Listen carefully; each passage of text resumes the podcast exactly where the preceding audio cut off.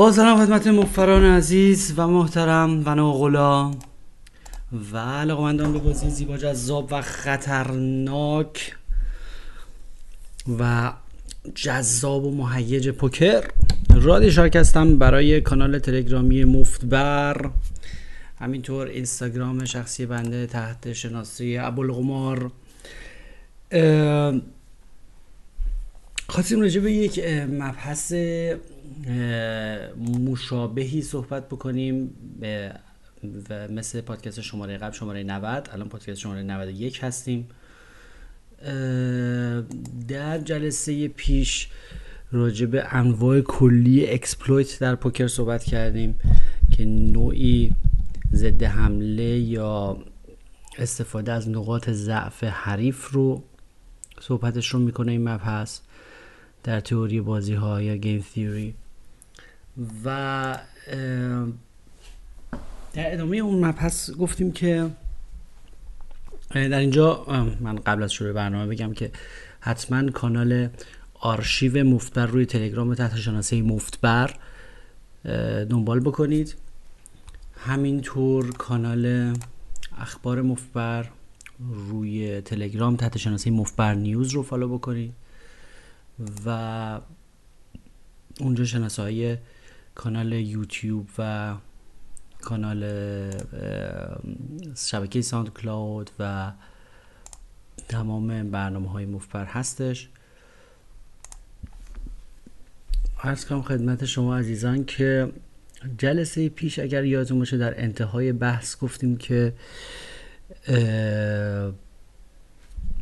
در انتهای بحث گفتیم که از انواع استایل بازی صحبت کردیم و گفتیم که مثلا calling station بازیکن فوق خشن رو در واقع exploit می‌کنه. برای اینکه اون بدون دست داره می‌زنه و اون داره از روی بی ارادگی و علاقش به دیدن ورقای بعدی داره call می‌کنه و در واقع داره بازی خشن اون رو در واقع exploit می‌کنه. از طرفی گفتیم که بازیکنهایی که خشن بازی می‌کنن بازیکنهای ترسو و fit or fold ی و ادامه ندهنده رو دارن در واقع exploit می‌کنن. چون که طرف فقط به دست نیاز داره تا بتونه بعد از turn ادامه بده و بازیکن خشن همینجوری turn رو بی و بی خیال می‌زنه و در واقع داره اون رو exploit می‌کنه. اینو حتما اگر گوش ندادید حتما به پادکست شماره 90 جلسه قبلی رجوع بفرمایید. تا من راجع به یک پدیده ای با شما صحبت بکنم.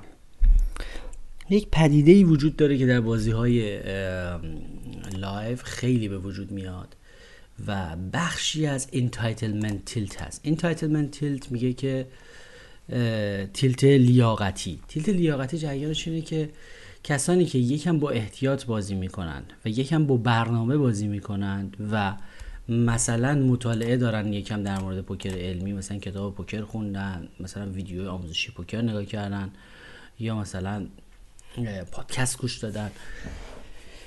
اینطور آدم ها چون یکم با برنامه بازی می‌کنن یه مقدار دستاشون رو select می‌کنن. قبل از flop مثلا این سری دستای داغون رو میریزن دستای مثلا بهتر بازی می‌کنن. یه مقدار برنامه دارن برای بازیشون و یه کمی پاشون روی پدال گاز و ترمز هست.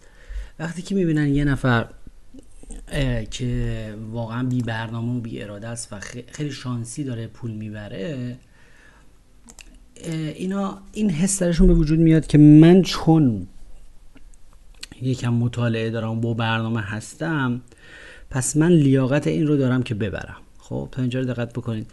و روی اون آدم تیلت میشن تیلت روی بیسوادی یارو. میگن که نگاه یارو هیچ چی رو می‌تونه از هیچی تشخیص بده مثلا من نمی‌دونه چیکار داره می‌کنه داره شیلنگ تخته میندازه و پول می‌بره. خب راجع به ریشه این تیلت صحبت کردیم که گفتیم که همچین چیزی وجود نداره و هیچکس به صرف اینکه سواد پوکری داره الزاما محق نمیشه که هر دست ببره و هر بار برنده باشه. چون که در کوتاه مدت نتایج رو شانس و ورق تعیین می‌کنه و در بلند مدته که استراتژی می‌تونه خودش رو اصلا نشون بده یا با برنامه بازی کردن و مثلا پلاس ایوی بازی کردن. بعد حالا چرا این زمینه رو گفتیم؟ چون که یک پدیده ای وجود داره در ادامه این ببینید یه سری session ها به من برای خود من برای خود من بارها یک همچین session ی به وجود اومده یعنی یه همچین شبی رو داشتم. منظور از session شب هست. یک همچین شبی رو داشتم در بازی live و کاملا در حالت ناخودآگاه این حالت بوده و من نفهمیدم که چی شده.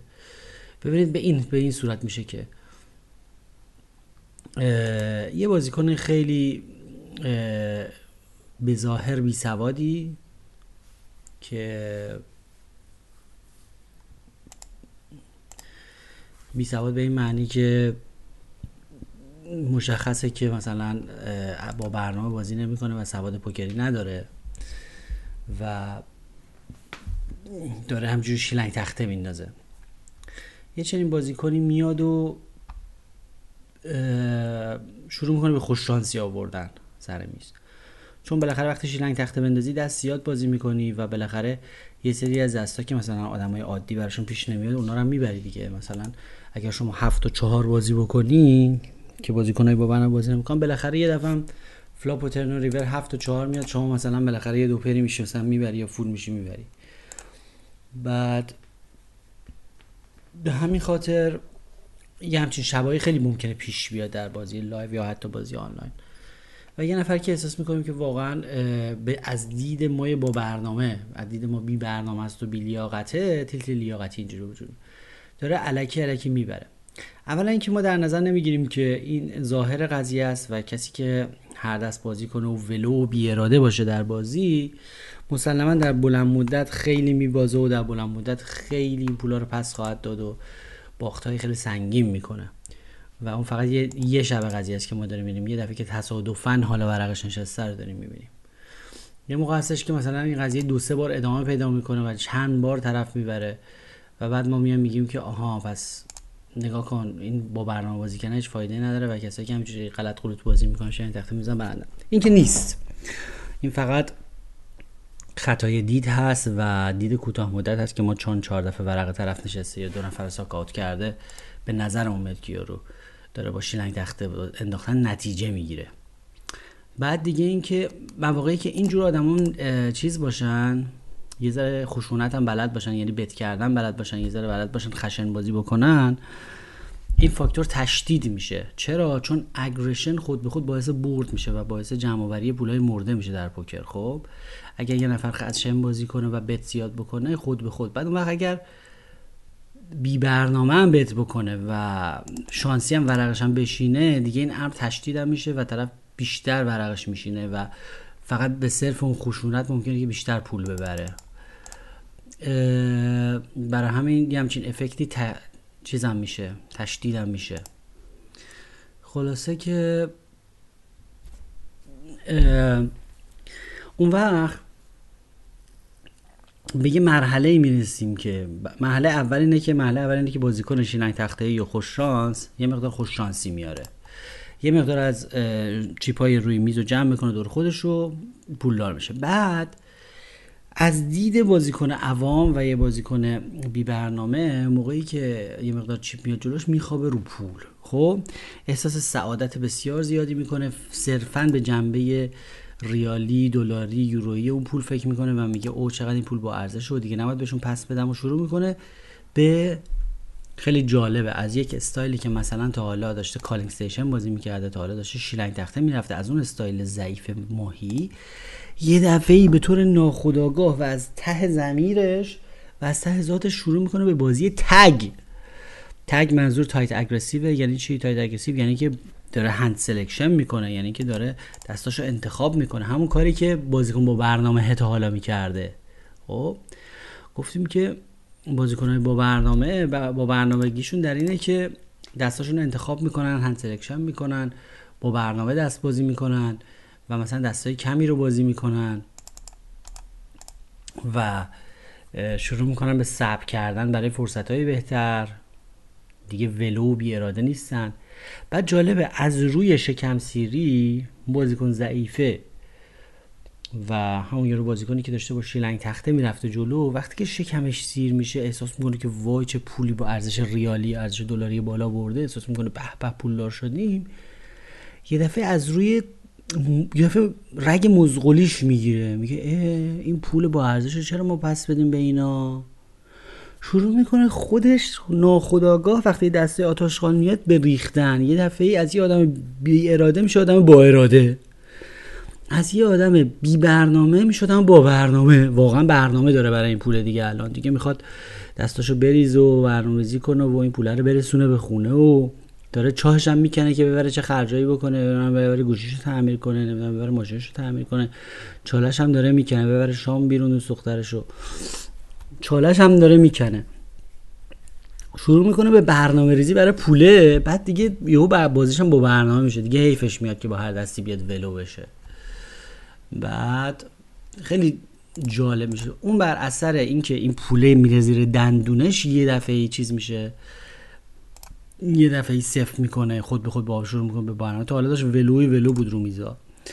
بعد حالا از طرفی بازیکنهای روی میز و بازیکن با برنامه های روی میز و مثلا پاسابتا خب که تا با برنامه بازی می‌کردن شروع می‌کنن بی برنامه بازی کردن. چرا؟ چون می‌خوام برن با هر طوری شده خودشون برن دو پر بشن. هرگاه شما که می‌خوایم به زور بین یکی پول بگیرید میفتید دنبال دو پر. چون اولین دستی که بعد از یه پر مثلا دست خوبیه و مثلا از دو آس می‌بره از دو شام می‌بره دو پره دیگه. هم می‌دونن که مرز بین دست خوب و بعد مثلا در هولدم همیشه دو پره. برای همین ناخداگاه میرن دنبال دو پر. دنبال دو پر رفتن همونطوری که قبلا توضیح دادیم خیلی کار پرهزینه و ضررداریه. مگر اینکه حالا خوش شانس باشین و واقعا دو پر بشید. بعد خلاصه دنبال دو پر رفتن گفتیم کار سختیه و میفتن دنبال دو پر. چرا؟ چون می‌خوام برن پولای یارو رو ازش بگیرن. میگن که یارو به ناحق برده لیاقتشو نداشته و ما باید بریم پولش ازش بگیریم. اون وقت چه اتفاقی میفته اون بازیکنایی که با برنامه بودن تا حالا داشتن تگ بازی می‌کردن تا تگرسیو بازی می‌کردن. یعنی داشتن دستاشون رو میریختن با سری دستای محدود بازی می‌کردن. وقتی هم دستای محدودشون میومده خیلی قشنگ و خوب بت می‌کردن و داشتن یه بازی منضبط خوبی رو ارائه می‌دادن با برنامه. به همین خاطر اون استایلشون در اصل در بلند مدت باید استایل calling station رو exploit کنه. خب در اصل باید از calling station در بلند مدت ببره چون اونا با دست می‌زنن و calling station هم بیاراده است و call می‌کنه. بعد ولی این دفعه الان یه دفعه بر اثر اینکه کلافه شدن و دنبال این یاروان از سر تعقیب یارو میفتن به تعقیب کردن و جای این دو نوع بازیکن برعکس میشه. ببینید چه اتفاق جالبی میشه پدیده عجیبیه. جای این دو نوع بازیکن اون TAG ه میشه calling station. calling station میشه TAG. خب؟ یعنی تا حالا داشته در اصل این اونو exploit می‌کرده. ولی الان دیگه طوری میشه که اون از اینو exploit می‌کنه. چرا؟ چون اون یارو ناشیه برای پول چاله کنده حیفش میاد شروع می‌کنه به چیز گلچین کردن دستا تک و توک بازی کردن دستا شروع می‌کنه به با دقت بازی کردن شروع می‌کنه به با برنامه بازی کردن چون برای پولش برنامه داره یه دفعه ای تا حالا کهش برنامه نداشت. بعد اون بازیکنه که از اول برنامه داشت و تگ بود و نمی‌دونم با پا ثابت بود و مثلا سواد پوکری داشت همه یه سواد موادش رو ول می‌کنه. همه اون درسایی که خونده ول می‌کنه همه کتابایی که خونده فراموش می‌کنه همه اون ویدیوهایی که نگاه کرده فراموش می‌کنه همه پادکستایی گوش کرده فراموش می‌کنه. تبدیل میشه به یه calling station چرا؟ چون دوپر می‌خواد. می‌خواد بره دوپر بشه این یارو ناشیه رو بترکونه. چون احساس می‌کنه طرف لیاقتشو نداشته و بدون سواد رفته بالا. این chip ا رو برده می‌خواد بره ازش پس بگیره. هرگاه شما بخواید بری به زور یه چیزی رو پس بگیرید بدتر میشه قضیه. چون که شما اون وقت بی مبالاتر میشید بی برنامه تر میشید و بیشتر در این باطلاق فرو میرید. و جالب اینجاست که این جالب اینجاست که استایل بازی دوتاشون درست برعکس میشه. یعنی اون یارو که پول رو برده و ناشی بوده شروع می‌کنه به دقیقا تگ بازی کردن و دقیقا انتخاب چون حیفش میاد دیگه پول دیگه میگه این پول اومده جلوم حیفش میاد. نگاه می‌کنه وای میسته تا دو ده بیاد براش. اصلا دستش پیر هوی میشه منتظر جفتای خوب میمونه منتظر دو ده میمونه منتظر دو سرباز میمونه. و این داداشمون که فکر می‌کنه یارو بیلیاقت بوده تگ ما شروع می‌کنه با هر دستی حتی با چهار و هفت بازی کردن که بره دوپر بشه یا رو بتر کنه رو پس بگیره. این پدیده من شبهای زیادی داشتم که خود من بعدا که بازی رو تحلیل کردم یه ذره نگاه کردم به مثلا به ده دسته گذشته که بازی کردم دیدم که من بعد از یک عمر بالای منبر رفتن و درس پوکر دادن و شاگردها داشتن و این همه پادکست برای شما گوشم دارم عین یک fish تمام عیار calling station بازی می‌کنم که فقط برم دوپر بشم فلان ناشی رو بگیرم. چون احساس می‌کنم یارو واقعا ببینید یه بار جدیدن همچین session ی بود همچین شبی بود. یه پسر خیلی کم سن و سالی اومده بود توی کازینو و اونجا بود که این پدیده بیشتر به ذهنم گفتم اینو بعد راجع صحبت کرد. یه پسر ناشی اومده بود و واقعا چهار تا شیلنگ تخته الکی انداخت و با چهار پنج دست آشغالی و داشت هر دست بازی می‌کرد و اینا. چهار شیلنگ تخته و چند بار دوپر موپر شد الکی و straight شد و یه کلمه پول اومد جلوش. مثلا بگم مثلا 400 500 big blind رفت بالا. خب؟ بعد خب ما هم اعلام کردیم و فلان رفتیم دنبالش رو بقیه بازیکن ثابت و رفتیم که مثلا ازش پس بگیریم و مثل گرگ زخمی رفتیم دنبالش به تعقیبش. بعد اون یه دفعه برای پولش برنامه پیدا کرد. یه دفعه گفت آها حیف این همه پول فلان نه با اینا میشه رفت مثلا مسافرت خارج از کشور با اینا میشه مثلا هزار تا کار کرد. شروع کرد به با برنامه بازی کردن و با دست بازی کردن و خیال صف بازی کردن. بعد خیلی جالب شد. یعنی مثلا وقتی که می‌رفتیم سراغش وقتی که مثلا باش تو دست درگیر می‌شدیم می‌دیدیم با دو سرباز شروع کرده بوده. مثلا با دو ده شروع کرده بوده. بعد یعنی شروع کرده رو پیر هوی بازی کردن شروع کرده رو با دست خوب بازی کردن. بعد ماها دستمون چیا بود که دنبالش داشتیم می‌رفتیم مایی که دم از برنامه و دم از سواد و اینا می‌زدیم. چهار و هفت شاه و چهار شاه و سه. ما داشتیم با دستای داغون و ولو می‌رفتیم دنبالش و اون داشت با برنامه و با دست می‌رفت جلو یعنی داشت منتظر دستای خوب می‌شد و این حرفا. و دقیقا استایل بازیم رو با هم عوض کرده بودیم برعکس شده بودیم و اون شده بود TAG و ما شده بودیم calling station و در نتیجه اون به طور ناخودآگاه صرفا برای اینکه یه دفعه از پولی که اومده جلوش خوشحال شده بوده دیگه از پول حیفش می اومد ناخداگاه استایل بازیش یه شکلی شده بود که دقیقا ما رو داشت exploit می‌کرد. و ما ناخداگاه از گرگ رفته بودیم شده بودیم بره. خیلی جالب بود. مثل اینکه میگیم که مثل موقعی که میگه ماهی که شما قلابو میندازی پایین ماهی رو بگیری ماهی شما رو می‌کشه پایین از قایق. و اینجا دشمن شما کسی نیست جز entitlement tilt tilt لیاقتی. چرا؟ چون شما داری فکر می‌کنی که این آدم لیاقتشو نداشته و با شیلنگ تخته به این پولا رسیده و اینو باید رفت ازش پس گرفت. همچین که این طرز فکر بر شما غالب میشه که ایشون لیاقت نداشته و فلان این حرفا شما وارد این دام میشی که شروع می‌کنی. خودت دقیقا همون استایل غلطی که اون بازی کرده رو بازی می‌کنی که بری دو پر بشی که مثلا اونو بگیره بعد جالبه یا اون درست برعکس میشه و شروع می‌کنه به با برنامه بازی کردن و انداختن دستا و با دو منتظر دو بیبی بی میشه. انقدر دیگه بعدش خوب میشه. یارو دیگه به جایی می‌رسه که یارو calling station ه ولی small blind ش رو پر نمی‌کنه. small blind ش رو پر نمی‌کنه و منتظر چیز میشه. منتظر میشه که مثلا دست بعد بیاد. small blind ش رو میریزه. خب وقتی small blind ش رو میریزه نشون میده دیگه آخر انضباط دیگه. یعنی دیگه واقعا داره با انضباط بازی می‌کنه. بعد منظور این که یارو از calling station برمیگرده به آدم تمام منضبط خفن. چرا؟ چون برای پولش برنامه ریزی کرده. و برای اینکه شما پولدارش کردید. حالا پولدارش کردید اشکال نداره شانس آورده پول پولدار شده. ولی از اونجا به بعدش هم شما باید با همون برنامه اولیه که داشتید جلو برید. حالا ببینیم چیکار کنیم که درگیر یک همچین یه اسم خوب بذاریم برای این پدیده. این پدیده رو من می‌ذارم عوض شدن جای ماهی و ماهیگیر. فقط و واقعا هم دشمن ما در این داستان همه ما هم نیست دشمن ما در این داستان حس برتری بیجا و حس لیاقت تیلت لیاقتیه که ما فکر می‌کنیم چون ما کتاب پوکر خوندیم چون ما برنامه داریم برای بازیمون چون ما در گذشته در بلند برنده بودیم پس حق با ماست که ببریم و یه آدم بی سواد پوکری و یه آدم مثلا ماهی حق نداره مثلا چهار دفعه دو پر بشه پول ببره. روسی حق داره ورق پخش می‌کنن یارو هر دفعه رنگ میشه علکی. اینطور نیستش که همه پولا رو ما باید ببریم.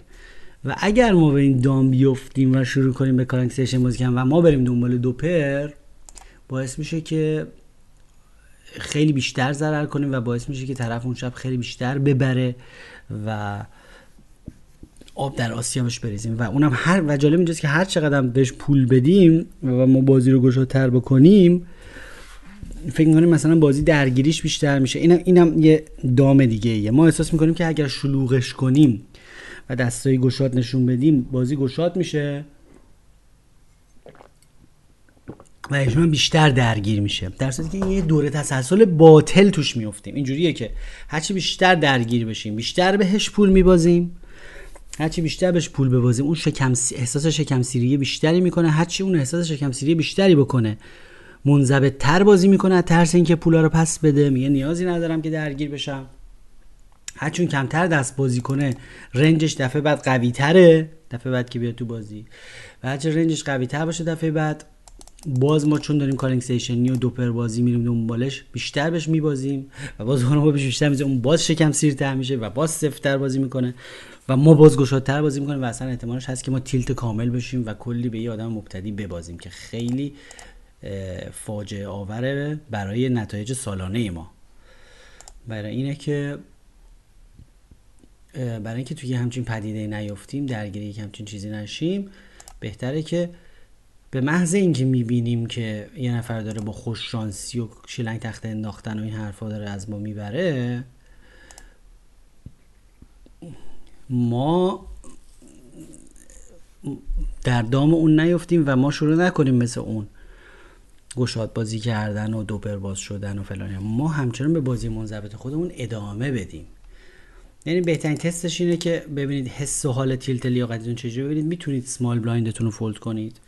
چون small blind fold کردن یه ذره انضباط می‌خواد. نشانه حالت منضبط یک طرفه. یه نفر می‌بینید که small blind ش رو پر نمی‌کنه با وجود اینکه همه limp کردن و raise ی نیست. یعنی نیم big blind باید بده دیگه. خب وقتی یه نفر نیم big blind باید بده. و نمیده و میریزه یعنی کاملا کنترل خودش رو داره کنترل احساساتش رو داره و داره مثلا با انضباط بازی می‌کنه. منتها اگر مثلا گفتم موقعی که calling station ها رو بعدن پول دارشون می‌کنید انقدر منضبط میشن که حتی small blind شون هم دیگه fold می‌کنن. یارو که اصلا اراده نداشته که یه دونه هفت و چهار رو fold کنه تو pot raise شده یعنی small blind هم پر نمی‌کنه. خودتون همینطور. هر دفعه دیدی که می‌تونید small blind تون رو خیلی راحت fold کنید واقعا در عمل fold کنید چند تا بعد یا مثلا شاه و سرباز و UTG fold کنید چون که position خوبی ندارید. هر موقع تونستید این کار رو بکنید یعنی همچنان کنترل ارادتون دست خودتونه و tilt نشدید و بازی رو تحت کنترل دارید و همچنان می‌تونید با اراده بازی کنید. ولی اگر دیدید که نه هر دستی می‌بینید به نظرتون پتانسیل داره هر دستی می‌بینید احساس می‌کنید من میرم الان با این دوپر میشم هر دستی می‌بینید تا یه هفت و چهار می‌بینید توش straight می‌بینید. small blind تون رو اصلا نمی‌تونید fold کنید. میگی برم خب نیم نیم big blind دادم برم ببینم چی شاید دوپر شم. همش دنبال اینید که دوپر بشید این یارو رو بگیرید بکشیدش پایین. متاسفانه در وضعیت بعدی قرار گرفتین و دقیقا استایل بازی برعکس شده. اون داره کاملا با برنامه و دست بازی می‌کنه با وجود اینکه این کاره نیست یا در اصل با برنامه نیومده بود در خونه بیرون. ولی یه دفعه الان بر اثر پولدار شدن زیادی یه دفعه جو گرفتتش. یه دفعه الان واسه ما با انضباط شده. چرا؟ چون برای پول چاله کنده که ببره خونه سریعتر. خب؟ اون وقت نباید بذاریم جای ماهی و ماهیگیر عوض بشه. این فرصت رو به یه بازیکن ناشی اگر شما خیلی احساس لیاقت می‌کنید و احساس می‌کنید اون بی لیاقت شما با لیاقتین این فرصت رو بهش ندید که رنجتون به رنجش ببازه. ببینید شما هر چقدر مهارت داشته باشید خب هر چقدر ناقلا باشید دست فرمونتون خوب باشه تکنیک داشته باشید گوشاد بازی کردن بیش از حد انقدر گشاد میده انقدر سوراخ ایجاد می‌کنه تو رنج شما که رنجتون به رنجتون میبازه. مثلا یه بازیکنی هست من خیلی باش بازی می‌کنم خیلی بازیکن گشادیه یعنی این نهایت گشاد زنه ولی مهارت های عجیب غریب هم داره. و خیلی آدمو دیریب می‌کنه و اینا. یعنی اصلا هیچ کس بهش آدمایی که من می‌شناسم بهش نمی‌رسن به مهارت های عجیب غریب اون. خب؟ ولی من اونو شکستش میدم. تو چی شکستش میدم؟ میگم آقا این در مجموع رنجش خیلی گشاده. بذار رنج من در مجموع از این سفتر باشه. در مجموع رنج من آخرش رنج اینو شکست میده. حالا این حد چقدر دیریب بزنه. مثل اینکه بگیری در فوتبال یه تیمی خیلی گشاد بازی می‌کنه خیلی میره جلو. مثلا حالا برزیل افراطی. خب بعد خیلی میره جلو. تیم مقابل می‌تونه بگه که آقا ما کاری نداریم که اینا مهارت دارن یا نه. ما می‌کشیم عقب. اجازه میدیم که در مجموع گشاد بازی کردن این تیم کار دستش بده. انقدر بیان جلو انقدر بیان جلو تا ما یه توپ مرده خوری بفرستیم عقب. خب بذار انقدر بیان جلو. بذار همشون 11 نفر بیان جلو. ما بالاخره می‌ذاریم همین گشاد بودن بازیشون خودش خودش رو نابود می‌کنه. وقتی بازی خیلی بی دفاع باشه دفاعش ضعیف باشه و همش حمله ای باشه خیلی گشاد بره جلو بالاخره ضد حمله می‌خوره. بالاخره از همون گشاد بودن خودش سوتی میده و خط دفاعش باز میشه. نه همون حالت اون پسره انقدر میاد جلو و انقدر افراط می‌کنه. انقدر زیاده روی می‌کنه در بازی گشاد و انقدر دیگه با دستای عجیب غریب می‌خواد کارهای عجیب غریب بکنه زاویه بسته مثلا از اون ور دروازه بزنه تو گل که دیگه من فقط برای شکست دادن اون نیاز به مهارت ندارم. من فقط کافی یه ذره صفر بازی کنم. همین. من فقط کافی اجازه بدم رنجم رنجش رو شکست بده. یعنی ساده ترین کار ممکنه. حالا فکر کنید یه آدم های ناخداگاه این کار با شما انجام میدن. شما انقدر کلافه اید که برید این پول از این ماهیه پس بگیرید و احساس می‌کنید این لیاقت نداره باید رفت پول ازش گرفت. انقدر میایین گشاد بازی می‌کنید انقدر میایین ولو بازی می‌کنید انقدر میایین بی برنامه بازی می‌کنید که اصلا رنجش رنج شما رو شکست میده. رنج احتیاط کرده یا اون که فقط چون چاله کنده بره پول خود به خود داره ناخداگاه داره احتیاط می‌کنه range محتاط اون range بی مبالغه شما رو شکست میده. چرا؟ چون شما بی مبالغه بی محابا دارید میرید جلو فقط می‌خواین یه جوری دوپه بشه یا رو بکشید از عرش پایین. رو شخص focus دارید رو به tilt انتقامی هم هست. می‌خواین پول از طرف پس بگیرید. و انقدر بازیتون خود به خود گشاد میشه که خود به خود range محتاط طرف range ولو شما رو شکست میده و شما بیشتر بهش میبازید. این برای من بارها به وجود اومده. یعنی که یه بار دو بار نبوده. بارها یه دفعه به خودم اومده ای من دارم مثل یک fish تمام عیار مثل یک calling station تمام عیار دارم با صد درصد از دستام دارم raise روی raise می‌کنم و میرم دنبال یارو که می‌خوام دوپر بشم و بازم نمیشم و و یارو هم کاملا داره با احتیاط بازی می‌کنه چون می‌خواد این پولا رو ببره خونه نقشش رو چیده و و در واقع اون داره تگ بازی می‌کنه من دارم کانک سیشن بازی می‌کنم. خیلی برام جالبه. بعد و بارها برای من این پیش اومده. در نهایت هم بعد حالا بدترین حالتش که دیگه واقعا شما رو دیوانه خواهد کرد تیلتتون خواهد کرد اینه که طرف و اگر خیلی که چیزش کنید خیلی پول دارش کنید پا میشه میره. شما به هیتن ران هم توجه کنید. این هم هست که اگه خیلی پولدار بشه چون نقشه این پولا رو چیده یه دفعه پا میشه میره خونه و هیتن ران می‌کنه شما رو. چون که نقشه پولا رو کشیده دیگه فرار می‌کنه میره. و اون وقتی که خیلی بیشتر داره تو میسوزه ببینید اگر از اول با انز همچنان با انضباط بازی کرده بودید حداقلش این بود که کمتر به این آدم میباختید. و مثلا می‌بینید یارو مثلا در این موردی که من براتون تعریف می‌کردم که پسره داشت فقط داشت با دو بی بی و دو سرباز دیگه بازی می‌کرد small blind ش هم ببین یارو که مثلا میگم شیلنگ تخته بود دیگه small blind ش هم fold می‌کرد. و دیگه اصلا با هیچ دستی تو بازی نمیومد و فوق العاده داشت تگ می‌زد. بعد یارو رو که پول دارش کردیم یارو اصلا پاشد رفت. گفت گوشیم شارژ نداره و نمی‌دونم چی و بعد برم گفتم آقا گوشی تو بده ما میدیم اونجا. فلورمن برات شارژ می‌کنه. نمی‌خواد در بری. خواستیم نگرش داریم. یه گوشیم شارژ نداره و نیم ساعت آخر اصلا کلافه بود که برید این پوله رو هر چه زودتر چال کنه تو باغچه. انقدر کلافه پوله بود. ولی اصلا انقدر خطر می‌کرد که نمی‌خواست یک لحظه این پولاش دیگه رو میز بمونه. خیلی واقعا داشت با تمام وجودش فرار می‌کرد از رو میز. بعد اون خطر از از اونم بیشتره یارو رو وقتی که مثلا توی پول داشت می‌کنید یا مثلا بر سر بی انضباطی رنجتون به رنجش هی پول میبازه خورد خورد یارو پا میشه میره و دیگه هم نمیاد. اصلا اون پسر رو ما دیگه ندیدیم. دیگه رفت اون پول سعادتمند شد. دیگه رفت اونو گذاشت تو بانک. دیگه رفت اونجا باش موتورسیکلت خرید اصلا با اون پوله. دیگه اصلا نمیاد که اون پول به شما پس بده دیگه. متوجه چی میگم؟ در نتیجه درستترین برخورد و استراتژی اینه که در اون شرایط شما خونسردی خودتون رو حفظ بکنید به خودتون یادآور بشید که اون استراتژی شلخته ای که ایشون داشته باعث شده همیشه باعث نمیشه که کسی برنده بشه و اگر شما هم شروع کنید شلخته بازی کردن عین اون میشید. و